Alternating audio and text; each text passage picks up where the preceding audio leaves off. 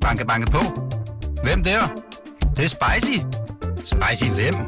Spicy Chicken McNuggets, der er tilbage på menuen hos McDonald's. Badum, bom, tji.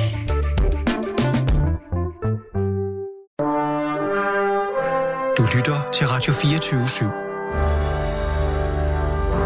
Velkommen til Poesibogen med Knud Brix. Et døgn i seng. Hotel Katedralværelse 607 skriver for mit privilegium selv. Azteker ansigt, tolteker ansigt, Jingala ansigt, voldtægt ansigt, Marits ansigt. Klokken 4 morgen, læber, tænder, sniger sig frem, langs. Tænk, Mexico City klokken 4 morgen, ikke, ikke en lyd. Nogen ligger på fortorvet, overkrop i papkasse, pisvåde bukser, plastikskål med spaghetti-rester væltet. Rotte snuser nær. Men virkelighed alene, selvom den er alt, kan ikke gøre det for digtet. Det er det værste ved virkelighed og digt, at digtet er ligeglad med virkelighed og omvendt. Skriv om den. Skriv ikke om den. Skriv den. Nej tak. Sko. Nej tak. Tænder. Nej tak. Gane. Nej tak. Tunge. Hår maritsvipper. Nej tak. Virkelighed. Skriv. Virkelighed. Din virkelighed vrider alt. Skopusserdigt. Først født, jeg. Første født skopusser, jeg. Så kom den næste og den næste i snot, snavs og ramponeret blik, op og ned af smøgen. Hænderne begyndte virvlende, pussede hans sko, pussede hendes sko, pussede dine sko og imens blikket på hans knæ, på hendes hænder, på dine snørebånd. Jeg kendte en, som kendte en, som ejede en kiosk. Mit udspilede blik stavede gennem aviser, som hun, der kendte en, som ejede en kiosk, lånte mig om aftenen, når der ikke var flere sko at pusse. Læste om det, læste om hende, læste om ham, læste om dig, men fra mørket før skosværten, fra min mor, som kendte en, der kom fra mørket, min far, som ejede en pisk. Og den pisk fandt jeg i blikkassens starin blik mørke, hvor min far engang var kommet fra. Må Jesus være hans sjæl nådig. Og så gav mine hænder sig til at piske mørket. Gnister, gnister oplyste ham. Gnister, gnister oplyste hende, oplyste dig. Min hals begyndte at nynne.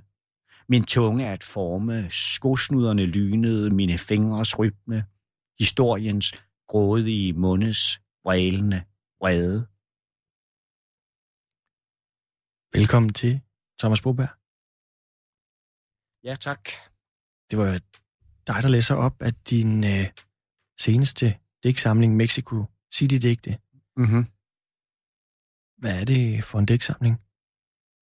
Det er en, øh, en det er sådan et, øh, et forløb, øh, som foregår i, øh, i Mexico City, som jeg har skrevet, da jeg var der for nogle år siden. Øh, øh, jeg, jeg tror, jeg var der i 8-10 dage, og, og så skrev jeg den her bog, øh, øh, og det var ligesom om, at, at byen, den, den der kæmpe by, som altid har fascineret mig. Det var ikke første gang, jeg havde været der, men, men den flyttede ligesom ind i mig, og så, øh, og så kom der så nogle stemmer ud øh, af min hjerne og min krop. Øh, og øh, så, den, så den består helt, så, så digten her øh, spalter sig ud i, en, i mange forskellige karakterer. For eksempel det der sko, skopusser jeg, og der er et turist jeg, og der er et hyper jeg, og der er... Øh, øh, alle mulige jeger, og, og så er der også øh, personer, en, en, en, en kvinde, der arbejder på en fabrik, som går hjem, øh, og der er, der er et digt, faktisk ikke til hende, men, øh, men, men et digt, hun, hun selv siger i det, hun, hun går hjem. Så det er sådan, det er sådan tematisk er det, at, er det meget sammenhængende. Øh, øh, og så er den, så vrider den også sproget. Altså, jeg tror, det, jeg tror, det er, er det, jeg har skrevet, som, som, som opløser sproget, øh, og, eller, eller vrider sproget. Lidt ligesom det der med det første digt med øh, øh, vrider, øh, din virkelighed vrider alt. Og, og, og så bliver det på en måde øh, virkeligheden, der vrider øh, de sproglige betingelser for, for den her bog. Øh. Og efter en stor digttrilogi, Hesteæderne, så er det vel også på en eller anden måde noget velkendt land at komme tilbage til at skrive lyrik om, om det at rejse? Jamen det er, men, men man kan ikke sige, det er om det er om rejse, fordi jeg tror egentlig, at, at øh, det handler mere om at være, øh, at være ny et fremmed sted. Altså, men, men det handler ikke så meget om at være det her jeg, der rejser rundt. Øh, det handler, det, jeg, jeg, tænker, jeg tror, at, øh, at Mexico City er, øh, er kulissen. Det kunne også, at jeg var tilfældigvis der, hvor det her opstod. Ikke? Mm. Øh, så jeg tror, at, øh, at det handler mere om sproget. Øh, og, og den er egentlig også, og hvor hestederne er en, er en kæmpe stor dystopi eller en stor fantasi, sådan en undergangsfantasi, så, øh, så går det her ind øh, og virkelig øh, skærer sproget op, øh, og er meget tæt på, på en, en virkelighed, så tæt på den, at den faktisk går i stykker.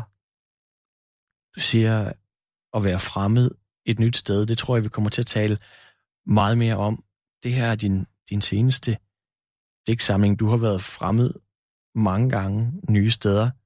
Øhm, jeg kunne egentlig godt tænke mig, at vi øh, simpelthen begyndte ved begyndelsen. Mm-hmm. Hvor er du født?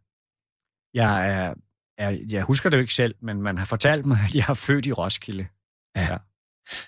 Som, som jeg har læst øh, og fået det fortalt, bor du vel de første øh, 14 år øh, af dit liv sammen med din mor? Det er, øh, ja, altså, ej, de første, øh, altså der er også en del, der er en del uklarhed om min allerførste år, men min mor og min far blev skilt, øh, da jeg og min eneste helsøster, for jeg har også mange halve søskende, øh, var, var ret små.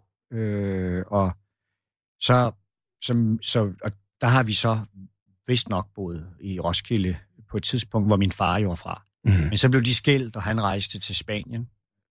Du beskriver sådan et eller andet ja. sted noget, der kunne ligne en form for familiekaos. Jeg har også læst, at du øh, i de første mange år af dit liv troede, at din stedfar var din rigtige far. Ja, det er sandt. Altså, for, for min, min mor flyttede så på boede på møderhjælpen på et tidspunkt. Øh, jeg tror stadigvæk, det findes, fordi jeg så egentlig i en avis, at jeg så det nævnt, så det findes vel stadigvæk. Men det gjorde hun så, så mens hun boede der, mødte hun så den mand, som hun så fik to andre børn med. Øh, mm. og, og han har været, den stedfar var, var, var vores far, og, øh, og jeg kunne ikke huske min egen far. Så det var først, da, da min søster ved et tilfælde opdagede en anden dåbsattest i en, selvfølgelig meget klassisk i en skuffe, at vi fandt ud af, at, øh, at vi havde en anden far, men ikke vores to brødre selvfølgelig. Men det var lige der, hvor, hvor de også skulle til at skille, så hvor det hele ramlede. Så det passede, det passede alt sammen rigtig godt. Og hvad stod der på den dåbsattest? Jamen, der stod jo så øh, nogle andre navne. Og øh, der stod, at, øh, at, at, øh, at vores navn, at vi hed Boberg. Og din far var maleren Jørgen Kunstmaleren øh, Jørgen Boberg fra Roskilde. Ja. Kan du huske, hvad du tænkte, da det gik op for dig, at øh, den stedfar, du troede var din far, ikke var din far? Altså, jeg kan, jeg kan jo huske, at det er meget, at det var meget mærkeligt. Det var meget underligt, og, og det, altså, når du får sådan en, sådan en omvæltende øh, nyhed, øh, så, så går der mange år før, eller, eller måske på et eller andet tidspunkt må du prøve at lægge det bag dig, eller, eller forstå det på en eller anden måde. Men, øh, jeg tror ikke, at man kan forstå sådan noget. Man må arbejde med det. Øh, at, man, at ens så har man nogle søskende, så er de kun halvsøskende, og, øh, og ens far begynder faktisk at opsøge en, ens rigtige far, mens stedfaren slår hånden af en, hvilket også var et chok for mig, fordi, fordi at al min loyalitet lå jo hos ham, og det er jo noget med børn. De er jo, de er jo lojale over for de, med, for de største røvhuller, altså i deres barndom kan de være, ikke? Øh, og, øh, øh, og jeg var, var min loyalitet og, alt, og alle og mine håb lå jo begravet hos, hos den mand, som pludselig slår hånden af en, fordi at nu viste det sig, at alt havde ændret sig. Det var noget af det, det svære at arbejde med, tror jeg. Var du vred på din biologiske far, øh, som jo så er, viser sig at være øh, kunstmaleren Jørgen Boberg, øh, over at han ikke havde været i dit liv, eller hvad tænkte ja, du? Ja, fordi det bliver man. Øh, jeg var sådan vred. Jeg, var, jeg tror, jeg, jeg var vel vred på alle. Altså i, i den der konstellation, øh, som den der umulige konstellation, som så skulle være øh, mit udgangspunkt. Øh, så, så det er klart, at der var en vrede over for min far. Men vi havde jo så et, men vi fik et godt forhold efterhånden, altså ja. fordi vi kunne mødes i det der med, at det at jeg var også fascineret af det med kunsten, og, og selv tegnede vildt meget, da jeg var, indtil jeg var 16. Og så begyndte jeg at skrive øh, efter nogle, et par år, hvor jeg ligesom følte, at jeg havde været i sådan en fravær, eller i sådan en tomhed. Altså, jeg har altid udtrykt mig, og, øh, og så blev det så med ord, øh, i stedet for det der med billeder. Og hvordan, øh, du ender jo så faktisk med at bo hos din biologiske far, øh, kunstneren Jørgen Boberg hvordan, som så ikke havde været i dit liv, er det ikke rigtigt, du ender jo, jo. Med, med at bo hos altså, ham? jeg ender med, altså min stefar ender med at køre mig til, øh, til Roskilde, hvor min far boede med sin kone øh, Julie, og, øh, og da, da min stefar så sagde han farvel, og så sagde han, der er ikke noget som blodets bånd, hvilket jeg opfattede som, altså, det var også en mærkelig ting, fordi ja, min loyalitet var jo hos ham. Altså, det var meget bizart alt det der. Ja. Øh, følelsesmæssigt. Og øh, så ender jeg, ja, så bor jeg der.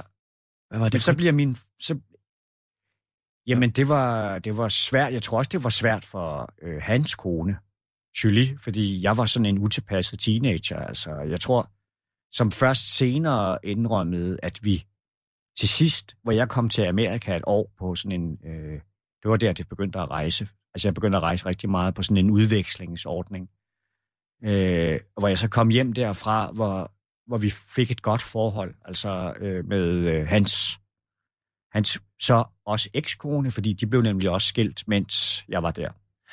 Hvad var det for et miljø, der var omkring din far? Din biologiske far, som du så ender op med at bo hos? Altså, var altså, det jeg, tror, han var, jeg tror, han var en... Øh, sådan en held i Roskilde. Altså, jeg tror, han var meget knyttet til Roskilde, og han havde en omgangskreds af af kunstnere og håndværkere, og sådan nogle folk, der gik på, øh, og, og venner. Altså, der var, der var jo sådan et lokalt miljø, et boheme lokalt miljø i Roskilde, som jeg også indimellem øh, var. Øh, kom, altså, kom og drak øl med og sådan noget. Og, øh, så, så jeg tror, at for ham var det jo også et chok, da han skulle skilles, og så flyttede han til Italien. Men jeg tror, det der Roskilde har ligesom været sådan en, en urmyte for ham. Altså, og øh, øh, ja, øh, og øh, altså, de var jo søde, og jeg fik, og så fik jeg jo nogle nye søskende, øh, to halvsøskende, som øh, jeg har det utrolig godt med i dag også. Altså i virkeligheden, bonus ved alt det der er, at man kommer til at lære en hel masse mennesker at kende, ikke? Som, øh, som man så kan øh, få det godt eller skidt med. Jeg er generelt godt med. Altså, ja. Du siger så, alt det der rejseri, siger du, det ja. begynder, da du tager til Amerika på, på udveksling. Ja. Hvad var det for sted, du kom hen? Altså jeg vil sige, det begynder faktisk før, fordi at min første udvekslings, udvekslingsophold var en sommerferie i Skotland, øh, og øh, som faktisk var en hård nød for mig at knække, fordi jeg følte en eller anden sindssyg hjemvej de tre uger, jeg var der. Men jeg kunne ikke, jeg kunne ikke finde ud af, hvor jeg, jeg men jeg følte mig, hvis jeg følte mig egentlig udsat der. Mm. Øh, og så søgte jeg, og så ville jeg gerne til øh, USA, Øh, og, øh, Og det kom jeg så også gennem det der American Field Service. Og så var jeg der, og det var også nogle, det var dramatiske oplevelser at være der. Øh, og det har jeg skrevet om i Amerikas bogen. Øh, men, øh, men også vildt. Altså, ja, formativt. Selvfølgelig var det det. Altså, selvom jeg først skrev om det 20 år senere. Hvordan var det vildt? Jamen, dels blev jeg smidt ud af den der familie, jeg boede øh, hos, øh, og oplevede nogle andre groteske ting og sådan noget. Øhm, øh, men fik også nogle fantastisk gode venner, som jeg stadigvæk har. Blandt andet i den familie, i den familie jeg flyttede over i bagefter det. Når jeg læser øh, Amerikas, så er det jo nærmest som om, altså jeg fik sådan en mindelse om, om Jakob Holts øh, måde at rejse på, hvor det er sådan ja. lidt tilfældige mennesker, der støder ind i, du blaffer, ja. du, du, du ender hos sådan virkelig syrede, ja. øh, dysfunktionelle, mærkelige mennesker ja. rundt omkring. Men der er du altså ikke nødvendigvis ret gammel. Hvordan, hvordan øh, finder du, øh, hvad jeg lige vil sige, øh, du beskriver det jo også med en del angst egentlig. Ja, ja. Men hvordan kan det være, angst. at du ender på en så ung alder nærmest og vagabonderer? Øhm, jamen, der, der begyndte jeg også så småt at blive optaget af poesien, så jeg begyndte også at glorificere lidt sådan en, en udkantseksistens, tror jeg. Noget øh, Kerouac, ja. Nej, fordi jeg kendte faktisk ikke... Øh, jeg, jeg, altså, mine, mine poesirødder, de kommer faktisk overhovedet ikke fra, øh, fra den amerikanske beat. Det er først senere, jeg har, har fået indblik i den, og, og synes rigtig godt om den. Især Boros, vil jeg sige. Men, øh, øh, men det var sådan mere de franske symbolister, øh, Rimbaud og nogle af de der, så dem man kalder for de fordømte digtere fra den tradition, som jeg var optaget af, som jeg blev optaget af. Det er jo også tilfældighederne, altså, ja. Jeg har også øh, læst, at du i den der, i de år, hvor du er i Amerika og kommer hjem på gymnasiet, at du bliver optaget af Johannes V. Jensen? Ja, Knud, altså jeg, jeg læste Johannes V. Jensen og øh, Knud Hampson, da jeg var i, i Aberdeen, South Dakota, øh, hvor jeg var et år, ikke? Øh, og det er sådan, det tror jeg, jeg identificerer mig med sådan fuldstændigt øh, meningsløst en til en. Det kan man jo ikke, vel? Men jeg følte, det var sådan, der var jeg i de der sult og øh, kongens fald. Og digte 1906, som er en bog, jeg, som er nogle digte, jeg stadigvæk elsker. Altså, ja. Og øh, da du så begynder et eller andet sted, at du har, du har malet, tegnet før, ja. nu begynder du at skrive. Hvad var det for en følelse, du kunne få, hvis det lykkedes dig at skrive? Men det er, at, øh, at, at det faktisk det gør en høj. Altså det, øh, jeg har også altid været tiltrukket af, af, af alkohol og stoffer og sådan noget. Øh, min, altså, da jeg var meget ung. Øh, det, det, er ikke, det er ikke noget, jeg er nu. Altså, men, men, men jeg tror, jeg var tiltrukket af det, der kunne bringe mig hinsides eller et andet sted hen. Og det kan godt være, at, at det også at, at det dels er en flugt. Altså, man kan, man kan jo som bekendt ikke flygte fra sig selv, fordi man er altid med i det, ikke? Øh, men så, så, så det at skrive, det, det kunne også sætte mit blod i kog. Virkelig meget. Altså, så jeg kunne mærke det. Øh, og jeg havde ikke sådan nogen kvalitetssans over for det, jeg selv skrev. Øh, på det tidspunkt, det tager lang tid at få fat i det. Men, øh, men jeg blev... Det, var, det, det er ligesom, man, man, man opdager verden på ny, men nu gennem ens egen bevidsthed, fordi man jo på en måde genskaber den og omskaber den. Det gør man jo som kunstner og, og gennem sproget også, når man skriver. Du har sagt en gang, at det var lidt ligesom, når det lykkedes dig at skrive og få skud heroin, simpelthen. Jamen, nu kender jeg altså ikke heroin, men øh, jeg, så jeg har sikkert været, det, det er sikkert flot sagt. Ikke? altså, jeg har prøvet en gang heroin, men det var snyd øh, med en fransk ven, jeg mødte i, fra, i Afrika.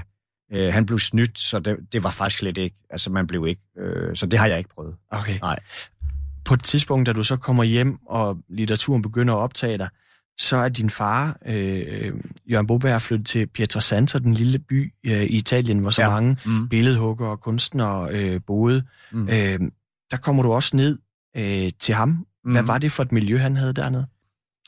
Altså han, der, dernede, øh, der var Henrik Nordbrandt og øh, Jørgen Haugen Sørensen og, øh, og alle mulige internationale kunstnere, plus dem, der kom på besøg Øh, så jeg, jeg har boet, altså min, mine to halvsøskende, Sara og Simon, de har boet der, og, min, og Simon, min halvbror, har gået i skole dernede og sådan noget.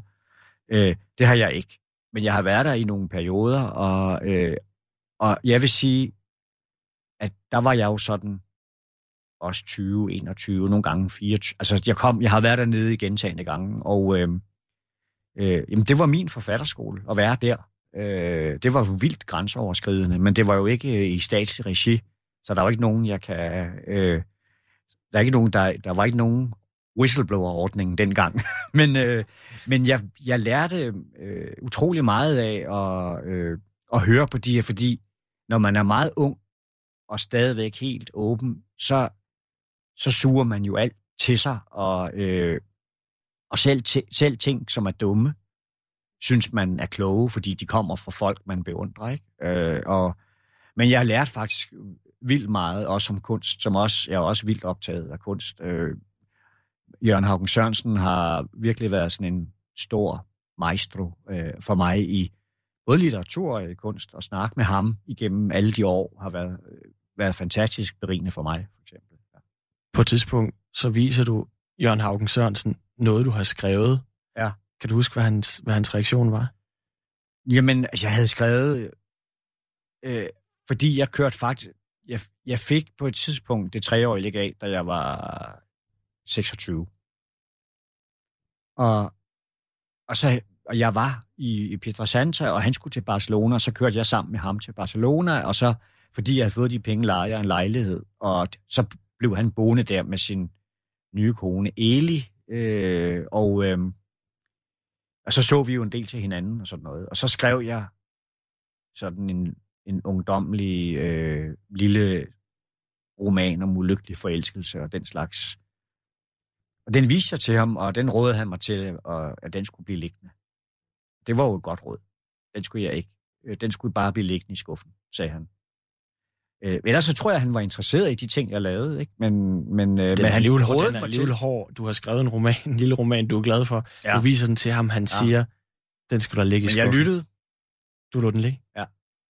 Øh, sidenhen har jeg brugt et fragment af den til noget andet, som, øh, øh, som fungerede, tror jeg. Ja. Øh, men det var han, men det var, men det var rart, og altså, det er jo, det er jo øh, godt og, øh, og berigende at kende nogle folk, som er ærlige, altså, og som er ældre end du er, og som har større erfaring, og som ikke er bange for at sige deres mening. Det er vildt vigtigt, altså. Du beskriver det her med, at du kører til Barcelona med Jørgen Haugen Sørensen, og det bliver jo skældsættende i dit liv, fordi at øh, Barcelona vel et eller andet sted er porten til de store rejser, som du foretager ja. Mm. senere. Du lytter til Poesibogen på Radio 24 med Knud Brix. Hans gæst er digteren Thomas Boberg.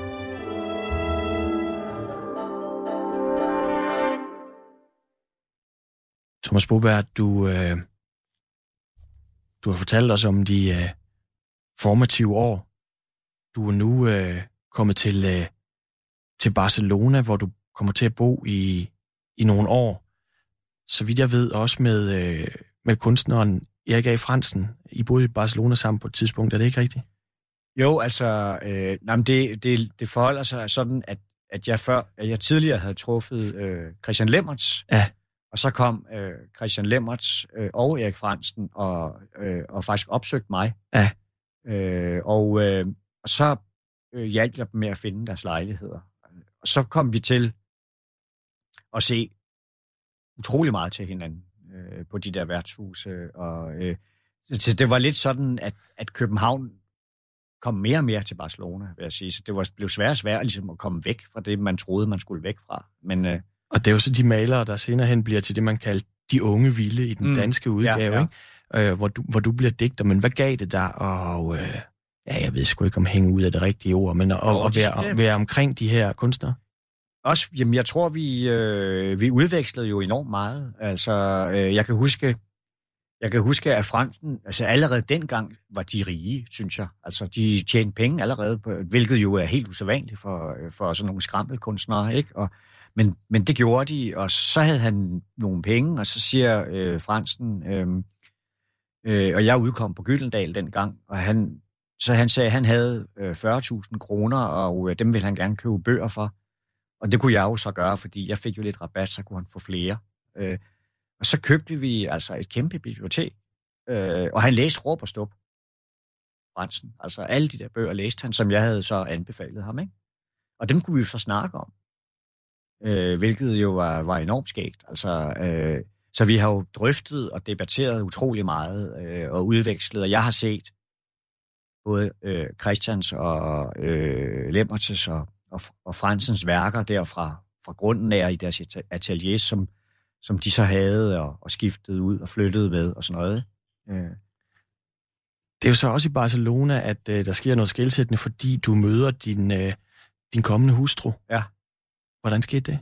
Jamen, jamen det skete ved, at jeg øh, havde været, jeg havde været træt af at være, øh, at være alene så meget. Øh, og øh, så jeg prøvede at tage... Jeg har aldrig været god til det der med at tage i byen og finde en dame for en nat, eller en kvinde for en nat. Altså, det, det, det har aldrig rigtig været noget, jeg kunne, sådan, kunne finde ud af. Men så mødte jeg den her kvinde på et, et, et kæmpestort diskotek, øh, og så var jeg så sammen med hende i, i, øh, i mange år. Altså. Og det er jo hende, der... Hun kommer jo fra øh, Peru. Ja. Peru, Lima. Ja. Og du flytter så øh, som ung digter til, øh, til Peru, ja. hvor jo egentlig en stor del af dit forfatterskab på den ene eller den anden måde også udspringer fra. Mm, ja. Øhm, hvad kan man sige om, hvad Peru... Altså, det er jo et kæmpe stort tema, men hvad har, ja. Peru, hvad har Peru betydet for dig? Altså, det tog lang tid også øh, at, øh, at fuldstændigt synke ned i det. Øh, så jeg følte mig nok også noget, noget fremmed og akavet i lang tid, i, i, lang, i, i flere år fremover egentlig. Men, ja. øh, men det betød jo nogle fantastiske rejser. Øh, det betød også, at jeg fik en søn øh, øh, der. Øh, hvad hedder det? Nej, han blev nu født i København, men det var... Vi flyttede med ham over øh, til Lima, så han er vokset op i Lima øh, til sit 13. år.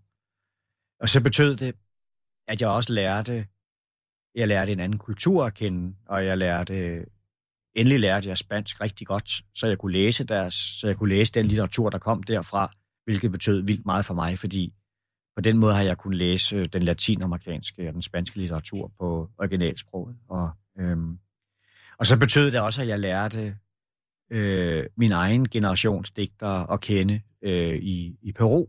Og der er utrolig mange fællespunkter.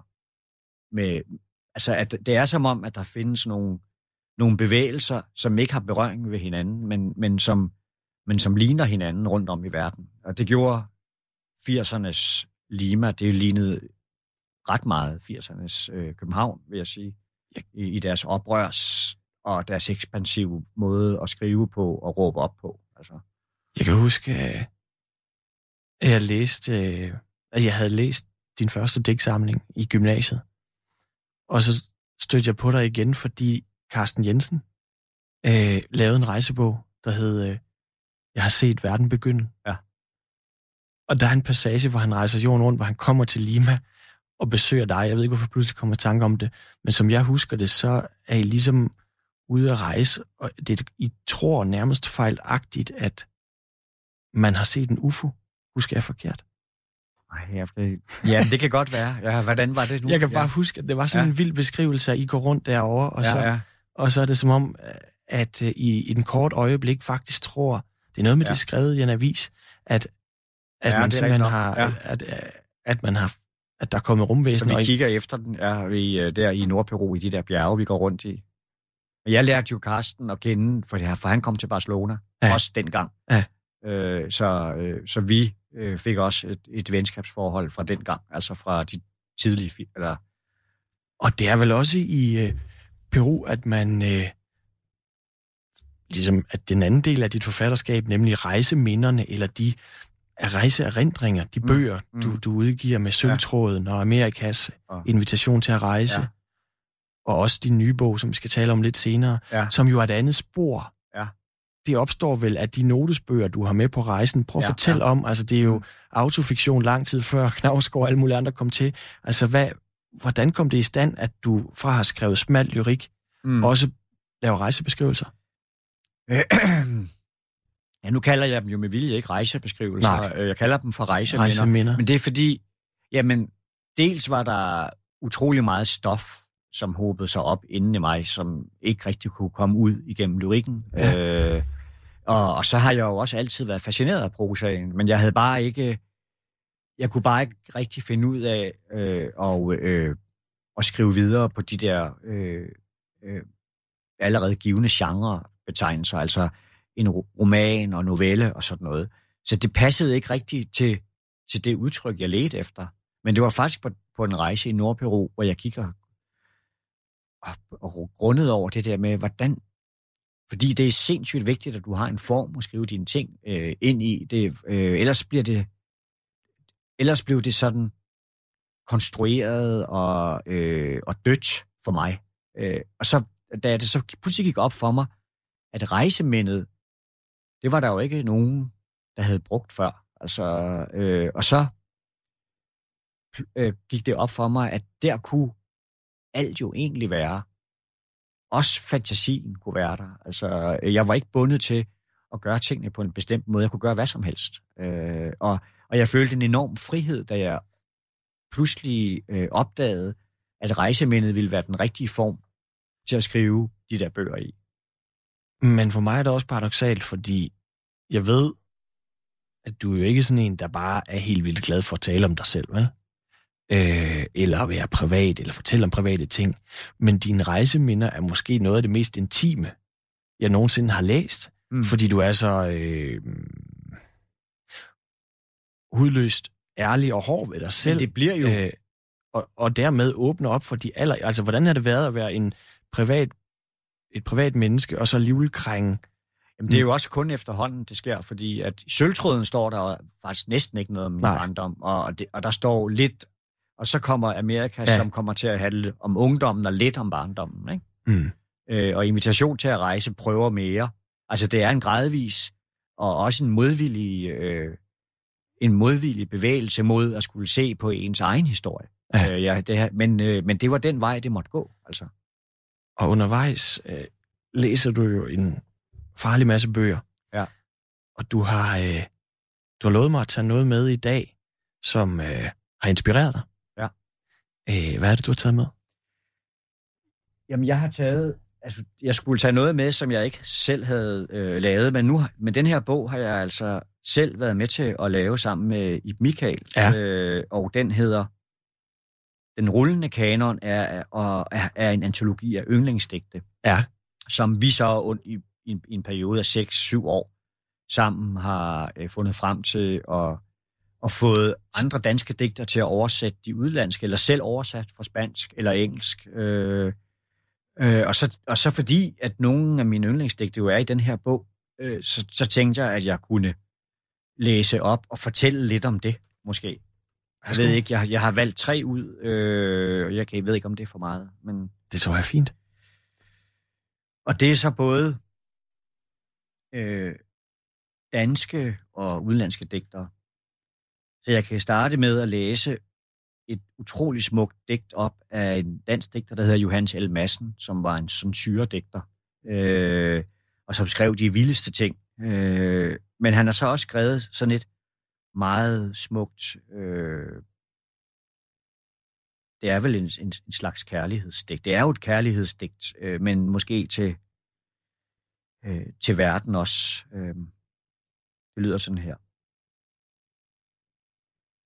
Sådan som træerne bøjer sig imod vinden, er det som om de knæler og løber storm mod himlen i en bøn, der er så dyb, at de giver efter og knager, helt ude fra kvistenes spidser og helt ned til røddernes og bladene skubbes bagover i 10.000 vis og visker mod den blufærdige vind.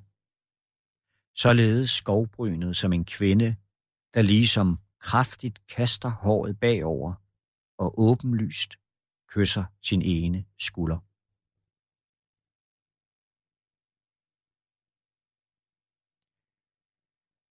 Og så har jeg et digt af øh, en digter, der gik hen og blev min yndlingsdigter, øh, en peruansk digter, der hedder Cesar Vallejo, som er en af de digter, jeg ligesom har læst mest. Øh, og øh, han er meget svær at oversætte, fordi ja, han, han vrider sproget i en, i en utrolig grad, øh, det spanske sprog. Øh, han var selv mestis og øh, øh, indianer fra en lille by op i, øh, i, i, i bjergene i, øh, i Peru. Og så skrev han, og så blev han på en måde den peruanske, hvis ikke hele den, en af de latinamerikanske øh, digterfædre til, til hele den store tradition, der kom. Og han har skrevet en bog, som hedder Trilse, som man heller ikke rigtig ved, hvad det betyder, om det betyder dulce, eller, eller dresse, eller altså det, der er forskellige sød, eller, eller, eller 13, eller 3, der er forskellige, øh, de har, der er forskellige teorier om, hvorfor den hedder det. Og digtene har kun øh, romertal, og jeg læser det sidste op, som er nummer 77, som, som jeg har oversat øh, sammen med øh, og fået hjælp af, af, af Per Bundgaard, øh, som har gennemset og har rettet nogle ting i det. Og, øh, og det handler for mig om, om inspiration, og øh, det lyder sådan her på dansk. Det havler så hårdt, som for at jeg skal huske og få de perler til at vokse, jeg har hentet i kæften af hver storm. Gid denne regn aldrig må tørre ud, med mindre det blev mig givet at falde for den nu, eller at man begravede mig gennemblødt i det vand, der ville springe af alle brændende. Hvor til vil denne regn nå mig? Jeg frygter at stå tilbage med en tør side. Jeg frygter, at den forsvinder uden at have prøvet mig i de utrolige stemmebånds tørke, ad hvilke man for harmoniens skyld altid må gå op, aldrig ned. Stiger vi måske ikke mod bunden? Syng regn på kysten endnu uden hav. Og så havde jeg et, et tredje digt, det der så åbenbart øh, fået øh, formøblet her. Øh, jeg vil have læst et Edith Sødergran digt op. Ja. Og jeg ved ikke rigtig, om der er tid til, at jeg roder rundt efter det. Øh, Hvad er det ved Sødergran, du øh, sætter pris Det er sådan det ekspressive, øh, og det, øh, det gnistrende, grønne, stjerneagtige stjernesplinter, og, og så denne her, så det her, det her vilde, næsten nietzscheanske jeg, som, som kan skrive ud øh, i, i universet om, øh, om, om friheden som, som, øh, som kvinde på det tidspunkt, som, som sikkert har været svær, øh, men i nogle fantastiske, flotte øh, rytmer og billeder. Så, men jeg kan jo, jeg kan jo selvfølgelig ikke øh, finde det lige nu. Det er jo helt idiotisk, at jeg ikke lige... Øh, at jeg ikke fik lige øh, fundet det frem. Men jeg, skal, jeg kan jo bare slå op i den her bog og læse alle mulige digter, som, jeg, som jeg kan lide. Så læser jeg digter med Rette Torp, som, jeg, som har skrevet to digtsamlinger, øh, og som blev meget, øh, øh, som blev meget skattet i 80'erne. Øh, øh, og jeg tror ikke rigtigt, hun har skrevet nogen, jeg ved ikke rigtigt, hvad der foregår, men hun skrev nogle meget stærke digte dengang med Rette Torp. Jeg hører musikken, hører den ikke. Ser mine omgivelser, ser dem ikke. Kan lugte en tændt cigaret, kan alligevel ikke lugte den. Jeg hører stilheden, hører den. Ser mørket, ser det. Kan lugte det. Kan lugte det, der ikke er.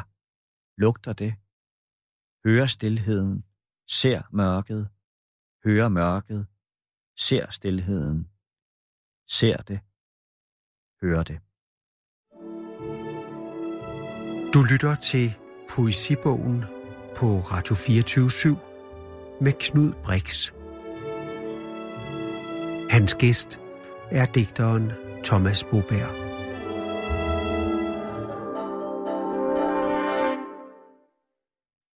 Du vender hjem til øh, Danmark efter mange år i Peru, mange rejser, rejseminder. Ja, vel, hvad andre mennesker lever på et, øh, i et liv, lever du måske fem gange mere. Øh, du vender hjem til Danmark. Hvad er det for et øh, Danmark, du vender hjem til? Altså, det var, altså jeg, havde, jeg havde jo selvfølgelig været i, øh, i, i Danmark, øh, også i de der 13-14 år, jeg boede i Peru. Øh, men det, var, det er noget andet at vende hjem, og så skulle falde ned og skulle finde et sted at bo. Og, øh, og det var jo der omkring det, de kalder for systemskiftet kom. Øh, altså det var, København var i hvert fald en anden by, fordi øh, indvandrernes børn var blevet øh, voksne og gik rundt i gaderne. Altså der var en masse jeg synes, det var en flot by at komme tilbage til. Øh, men det var svært at vende sig øh, til øh, de nye tider, altså øh, synes jeg. Fordi det mindede, det var meget forskelligt fra øh, København i 80'erne, vil jeg sige, begyndelsen af 80'erne, som jeg huskede byen. Øhm, øh, og, og, så, og, og det holdt heller ikke rigtigt med øh, mit ægteskab øh, med min kone fra Peru, så vi, øh, vi blev efterhånden skilt, men hun bor her nu stadigvæk. Øh, og vi har to børn sammen. Øh, og, øh, og det går vist fint nok med det, øh, tænker jeg. Og øh, ja, ja, altså det var, det var svært øh, at vende sig til det igen, og, og forstå, hvad det var, der var i gang øh, med, med øh, retorikken og, og, og, og det, som man også kan kalde for fremmedfrygten og den slags. Øh, det, det var meget tæt på. Øh, og, og, og det er jo også den situation, man lever i dag. Øh, bare endnu mere skærpet, vil jeg sige. Øh, men øh, men jeg, jeg synes, at det var, jeg, synes, jeg syntes dengang, at det var nødvendigt at komme, at vende tilbage til Danmark, også på grund af min søn, fordi at jeg kunne tænke dengang, at hvis jeg skulle blive 50 år og ikke, ville, og ikke kunne snakke på dansk, som er mit, som er mit egentlige sprog med min, med min egen søn, at det synes jeg ville være en, en, en, en patetisk situation, altså at skulle sidde og, øh, og flæbe over. Så jeg synes, at det var vigtigt, at han kom hertil, og jeg tror også, at jeg var ved at være godt træt af Lima på det tidspunkt, øh, øh, og, øh, og havde bare brug for øh, at, at forbinde mig til, øh, til ikke kun til, til sproget, øh, men også til, til, til livet her i Danmark. Mm. Det slående for mig, øh, altså nu har der været en bølge af litteratur fra Norge, med Knavsgaard, Espedal og øh, ja, det her lidt slidte autofiktion øh, begreb, men altså jeg, jeg bliver nødt til at vende tilbage til, at, øh, at du sådan set begynder at praktisere det her i din, øh, i din rejse minder, mm længe før, længe før den her. Hvad, hvad mener du egentlig om? Har du læst sådan en som Knavsgaard? Ja, ja, jeg har læst øh, Min Kamp, altså øh, de der seks bind. Ja. ja. Hvad, tænker, hvad synes jamen, du om det? Jamen, jeg kan godt lide det. Altså, jeg synes, at, at det er meget, meget langt, men jeg synes også, at det... Øh, at, at det var... Altså, det, det var jo... Det, det handler jo om, om, om hans tids manderolle. Altså, mm. øh, og, jeg, og han skriver jo også øh, øh, virkelig godt, at det er et stort værk, synes jeg. Men jeg ved ikke, hvordan du har det, men jeg stoler ikke på, at... Altså, jeg har en fornemmelse af, at det er langt mere fiktion, end det... Altså, hvor jeg, når jeg læser dine bøger, så har jeg en fornemmelse af, at det ligger tættere mm. op ad dit liv, uden at kende Knavsgaard. Øh, altså, jeg tror, fordi, netop fordi, at jeg har kaldt mine bøger for rejseminder, og jeg har sådan en, en fornemmelse af, at man i hvert fald i, i, i dansk litteratur ikke, øh, ikke anerkender øh, rejse, fordi man kalder det for rejsegenren. Mm. For jeg er jo ligeglad med, hvad det er. For mig handler det om, at noget er skrevet godt. Mm. Men det var ligesom mit, mit vilkår har været, jeg har altid været på rejser. Jeg rejste før jeg skrev. Jeg, jeg begyndte og lærte at skrive på rejsen. Mm. Øh, og øh, øh, så jeg tror, at fordi, netop fordi, at, det, at, at genren ikke er roman, for eksempel. Mm. Altså, der var engang en afstemning om de sidste 20 års bedste romaner, øh, danske romaner. Og der var der en fra den jury, jeg kan ikke huske, hvad, hvad, hvad, hvad de hedder, som netop som sagde, at, at mine bøger kunne man ikke tage med i den konkurrence, fordi det var jo ikke romaner. Og det var jo bare et spørgsmål om, hvad der stod mm. øh, som genrebetegnelse. Øh, så jeg tror, at øh, øh, og en anden kendt litterat øh, havde skrevet sådan en, øh, en kronik øh, om, om autofiktion i Danmark, øh, og nævnte også nogle små digtsamlinger. Øh, og det undrer mig, så jeg skrev bare sådan lidt halv, halvt spøgefuldt egentlig til ham og spurgte, øh, det er i Facebook ærens tid, så kan man jo gøre sådan noget. Øh, hvor jeg skrev til ham, sig mig, øh, hvordan kan det være, at, øh, at, at mine 1500 sider slet ikke er nævnt i den der autofiktive diskurs, som du har. Øh, så skrev han tilbage, men han interesserede sig ikke for Latinamerika. så tænkte jeg, alt var tabt på en måde, fordi at det handler for helvede ikke om latin. Jo, Latinamerika, det er jo den kæmpe, det er jo det. Det er jo der, det er. Men, men det handler jo om det, der står inden i dem, og hvordan bøgerne er skrevet, mm. og altså, at, at det sproget, det var det, der var det vigtige. Så jeg kunne slet ikke forstå hans svar. Jeg tænkte, det var dogens svar. Altså, ja. Men jeg må så også sige, at nogle gange, når jeg har læst dine tekster, selvom jeg godt ved, at det ligger et eller andet sted tæt op i dit liv, jeg er set ligeglad med, hvor tæt det ligger op i dit liv, ja. men så er jeg simpelthen i tvivl. Og jeg kan faktisk godt lide den tvivl. Ja, ja. På et tidspunkt, da jeg læste uh, Invitation til at rejse, der blev jeg simpelthen i tvivl, om du har slået en mand ihjel. Nå. Jeg kan ikke huske, hvorfor. Men, men, men uh, ja. der er en, der bliver slået ihjel, og jeg kan ikke engang huske scenen, men, men den tvivl, der sne sig ind i forhold til, jeg føler ja, ikke ja. altid nødvendigvis, jeg ved. Nej. Øh, eller forstår hele konteksten. Så hvor autofiktionen, hvor jeg forstår det hele, og det hele ja. er tværet ud, ja. så er der liv, selvom dit måske ligger tættere på dit liv, en eller anden ja. form for tvivl. Øh, jamen, jeg tror også, at den at, det mysterium er også et, der, det, er også, det interesserer også mig, at det ligger at det ligger på kanten. Altså, jeg, også fordi jeg gerne vil overlade meget til læseren, fordi sådan en læser er jeg selv. Altså, øh, jeg, er så, jeg er sådan en, der ikke skriver alting ud. Det kommer jo fra, fra digtningen, og øh, selvom der er meget, meget stor forskel på, på øh, rejseminderne, øh, skriften og så øh, lyrikken, altså der er en klar forskel inde i mit hoved. Ikke? Men, bortset fra, at der jo stadig løber en klar lyrisk over i det. er rigtigt, ja. Det er rigtigt, men, øh, men, men de ting, øh, der står i de der rejsemænder, kunne ikke være digte. Men det er rigtigt, at hvis ikke der er en lyrisk glød ind i prosaen, så keder den personligt mig. Mm. Så det skal der, altså lyrikken inde i prosaen er ligesom en lille glød, der spreder en brand ud i sproget, og så, så, det, så den får en eller anden form for lidenskabelighed. Ikke? Ja. Du jo så boet i København, gjort det til din base et eller andet sted, men du er jo ikke stoppet med at rejse. Mm. Og øh, jeg kunne egentlig godt tænke mig at tale om, øh, jeg kan ikke huske, om det var dengang, hvor du lige var kommet hjem, der læste jeg i et interview, at du sagde, at der var en eller anden journalist, der spurgte, hvad skal du så nu? Så sagde du noget i retning af, at jeg kunne godt tænke mig at bruge 5-10 år på at gennemrejse Afrika. Mm. Og det er vel sådan set det, du har gjort nu?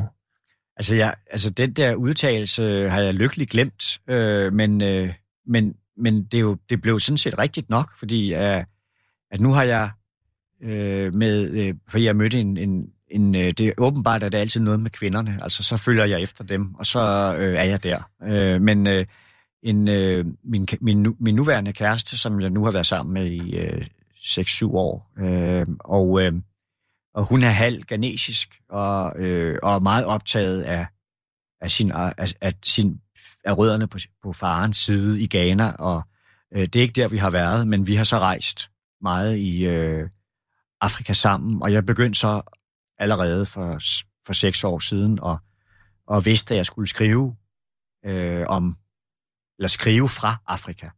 Øh, og, og det var ligesom også en helt ny oplevelse, som faktisk e-, egentlig knyttede nogle tråde helt tilbage til min begyndelse. For øh, min første rigtig, rigtig store vilde rejse øh, var i Sudan, hvor jeg var et halvt år som 23-årig, før jeg kom til Latinamerika. Så, det, så jeg har på en måde øh, øh, fået skabt, synes jeg selv, i mit eget liv, en, en bro tilbage til der, hvor jeg begyndte.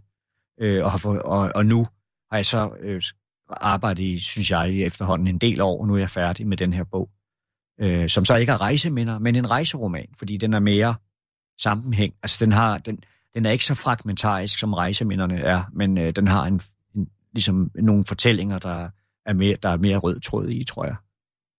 Hvad er titlen? Afrikaner. Og det, kom, det tog lang tid for mig at finde frem til titlen. Øhm, og øhm, men, men nu kan jeg tydeligt se, at det spejler jo Amerikas, og det var jo også det, jeg gerne ville have, at, det, at, at på en måde ligger øh, de der Afrika-oplevelser, de ligger før den nye verden. Fordi Afrika er jo den gamle verden, hvor man hentede slaverne øh, fra til at opbygge den nye verden med, og, og vores verden med. Og så, så den kommer til at handle rigtig meget om den side af sagen. Og hvor, hvor foregår den henne? Den foregår med mine egne rejser foregår den øh, først og fremmest i Etiopien og i Gambia, men også i Sudan, fordi jeg trækker nogle tråde der, der tilbage. Øh, og så foregår den rigtig meget i, i de andre karakterers øh, øh, rejsefortællinger. For eksempel min kæreste, som, har, som er den anden stemme, øh, og hun fortæller sit liv undervejs, øh, rejserne i Afrika, som, som kan være Ghana, eller, øh, eller Liberia, eller øh, Centralafrika. Hvilke... Øh, altså, min kone er fra Brasilien, og jeg har rejst meget, jeg har også rejst meget i Afrika, og jeg ser egentlig nogle gange nogle, øh, nogle fællestræk i de der... Ah, den måde, livet kan være vildt på begge steder, og dermed fortællingerne blive vilde. Mm. Hvilke, ser du nogen fælles træk, når du har rejst dig mellem dine rejser i, uh, i, uh, i Sydamerika og så, og så i Afrika? Altså, selvfølgelig, altså, Andesbjergene er, er jo så en helt fjerde verden, eller en tredje verden. Øh, men på, i Perus sydkyst, der, der, der lever nogle af slavernes efterkommere øh, i sådan nogle landsbyer, eller nogle byer, nogle fattige øh, barakbyer, eller adobehusbyer, øh, hvor du har øh, indflydelsen fra bjergene, og så den sorte musik, som stammer jo fra slavetiden, som er, er vild og hæftig og, øh, og, og helt vildt musikalsk. Og, og det er jo klart, at at det, jeg synes, at det er utrolig meget også i musikken, man kan mærke det. At, at, at musikken er så stærk, og de rytmer, der kommer fra Afrika, er så, har så skabt den musik, som du faktisk har i både i Nordamerika og i Sydamerika på mange måder, har været med til at, at, at skabe, øh, skabe den musiktradition, som så vender tilbage. Altså for eksempel i skikkelse af Bob Marley, og som, øh, og som vender tilbage som, som reggae, og som bliver kæmpestort i Vestafrika. Mm. Hvad er det så, der gør, at det bliver en rejseroman og ikke øh, digte, som kommer ud af det her? Det er fordi, det er fortælling. Øh, og digte er ikke fortælling på den måde. Men hvordan vidste du, at det var det, der ville ud? Øh, jamen, det er fordi, det kunne ikke gøres på anden måde. Okay. Altså, øh, og der, der, det, er, det er fortælling, men det er selvfølgelig også øh, på øh, det springer selvfølgelig også i sproget, og, øh, og, den, og, og hvis ikke, altså jeg håber jo, at den bevarer den der glød, som der skal være i det sprog. Øh, men, du kan, men du udforsker nogle andre ting, når du kan skrive tingene ud i sætninger, og, øh, øh, og overveje og fortælle og udsige nogle andre ting, som du ikke, som de, de kan ikke være i digtene. Vi skal til at slutte, øh, Thomas Boberg, men du får lov til at øh, slutte, hvor det hele begyndte ved at læse øh, kort op af din, øh, din debutdigtsamling Væsne på mit øjekast, som er fra, er det 88? Nej, 84. 84. Øh, ja, altså, nogle af digtene er, det, det begyndte faktisk med at skrive, jeg begyndte for alvor øh, at skrive digte, da jeg var i Afrika, i Sudan. Og jeg har nogle øh, jeg læser lige to små digte. Et enkelt måske? Et enkelt digt. Okay, så læser jeg, så læser jeg bare et, øh, et, et digt fra 1984, som, øh, som jeg har skrevet i øh, Sudan, i, øh, i Afrika. Og det hedder sådan her. På en kantsten i ly for solen. På en kantsten i ly for solen sidder jeg drømmeløs og tømmer en Pepsi-Cola. Med et sløvt øje følger jeg den store flod svinge ind i byen mellem blikskuer og afskallede minareter. Den springer fra kontinentets røde midte og flyder sovende gennem det døde land. Langs muren til Guds mægtige hus hviler flygtningene fra en glemt borgerkrig. Nøgne babyer ånder i støvet, Fluerne drikker af deres øjne. Solen og jorden avler disse aggressive insekter, som den sultne ikke magter at skræmme.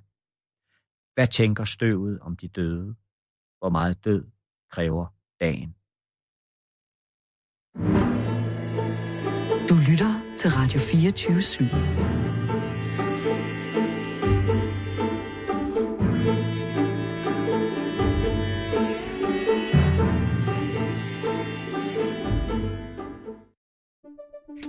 Banke, banke på.